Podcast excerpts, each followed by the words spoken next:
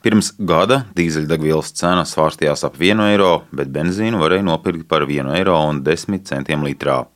Tagad degvielas litra cena ir augusi par 20 centiem un pamazām turpina kāpt.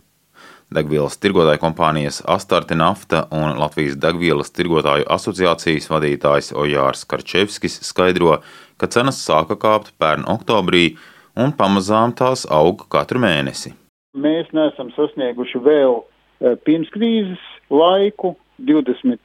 gada janvārī cenas bija benzīnam ap eiro 36, eiro 38 un dīzeļdegvielai eiro 26, 27, 28 centi. Tad mēs esam vēl normālā līmenī, nav nekas noticis dramatisks, dramatisku cenu izmaiņas. Kādas prognozes? Ir divu veidu prognozes, kad vasaras vidū vajadzētu cenām pazemināties, bet jebkurš notikums, kas saistīts ar Covid uzliesmojumiem vai zaļo certifikātu ieviešanu vai Indijas patēriņš vai otrādi Ķīnas ražošanas atjaunošana un krājumi Amerikas Savienotās valstīs, visi šie faktori katru nedēļu sastāda savu ietekmi uz šīm cenām. Bet kopējais ir tāds, ka cenas neaugs būtiski, ir iespējams, ka viņas arī nedaudz kritīsies. Jautājums esot, cik drīz atjaunosies avio pārvadājumi un kā pavērsīsies ģeopolitiskie notikumi, vērtēja degvielas tirgotāju pārstāvis.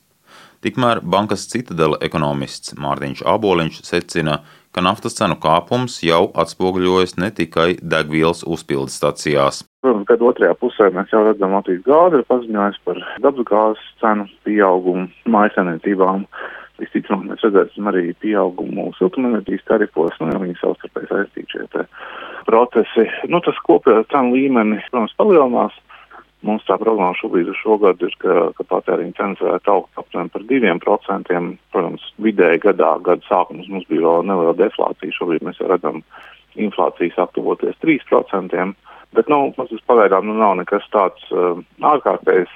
Tas cenu kāpums pasaulē uh, naftas cenām varētu arī nedaudz turpināties, jo lielākā daļa pasaules šobrīd uh, nu, tādā atkopšanās fāzē no Covid pandēmijas, tad, tad uh, cilvēki vairāk pārvietojas, arī aug pieprasījums pēc aviācijas, un līdz ar to naftas patēriņš varētu augt. No otras puses, redzams, ka naftas eksportētāju valstu organizācijas, jeb OPEC valstis kopā ar Krieviju, ar vienu ir ierobežojušas ražošanu, naftas tirgus ir pietiekami kontrolēts bez pavisam brīva piedāvājuma un pieprasījuma līdzsvara. Tāpēc šīs valstis līdz ar cenu kāpumu audzēs ražošanas apjomus, saka ekonomists Āboliņš. Nu, ilgākā laikā, protams, ka ir ļoti liela virzība uz zaļo enerģiju, tātad mazināt fosilo energoresursu patēriņu. Nu, kāda ietekme tas sasauc uz naftas cenām, to mēs redzēsim, bet tas nu nav šī vai nākamā gada jautājums, tas ir ilgāk termiņa jautājums. Tomēr pašreizējais degvielas cenu kāpums jau tagad ir viens no būtiskiem iemesliem pārtikas produktu cenu augšanai. Tā konstatēja lauksaimniecības tirgus veicināšanas centra vadītāja Ingūna Gulbe. Degviela, nafta. Tā ir pārtikas un lauksaimniecības produkcijas ražošanā, sākot ar to kombinācijas pļauju un uh, traktors ar.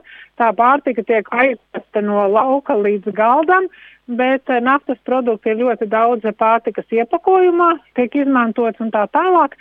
Un pārtika vienmēr ļoti korelē ar naftas cenām. Tas ir pilnīgi pierādījies iepriekšējos gadu desmitos, ja palielinās naftas produktu cenas, palielinās arī pārtiks produktu cenas. Tur neizbēgami. Tad nafta un pārtika tā ir saistība, un šis ir vēl viens punkts, kas pasaka, ka mums pārtiks cenas kāps. Un tāpēc nu, tiek prognozēts nevis tāds ļoti maziņš pārtiks produktu cenu kāpums, bet diezgan būtisks. Pagājušajā nedēļā pēc gandrīz divu mēnešu ilga stabilitātes perioda degvielas cenas pieauga arī Tallinā un Viļņā bet Rīgā cenas līdzīgā līmenī turas ceturto nedēļu pēc kārtas.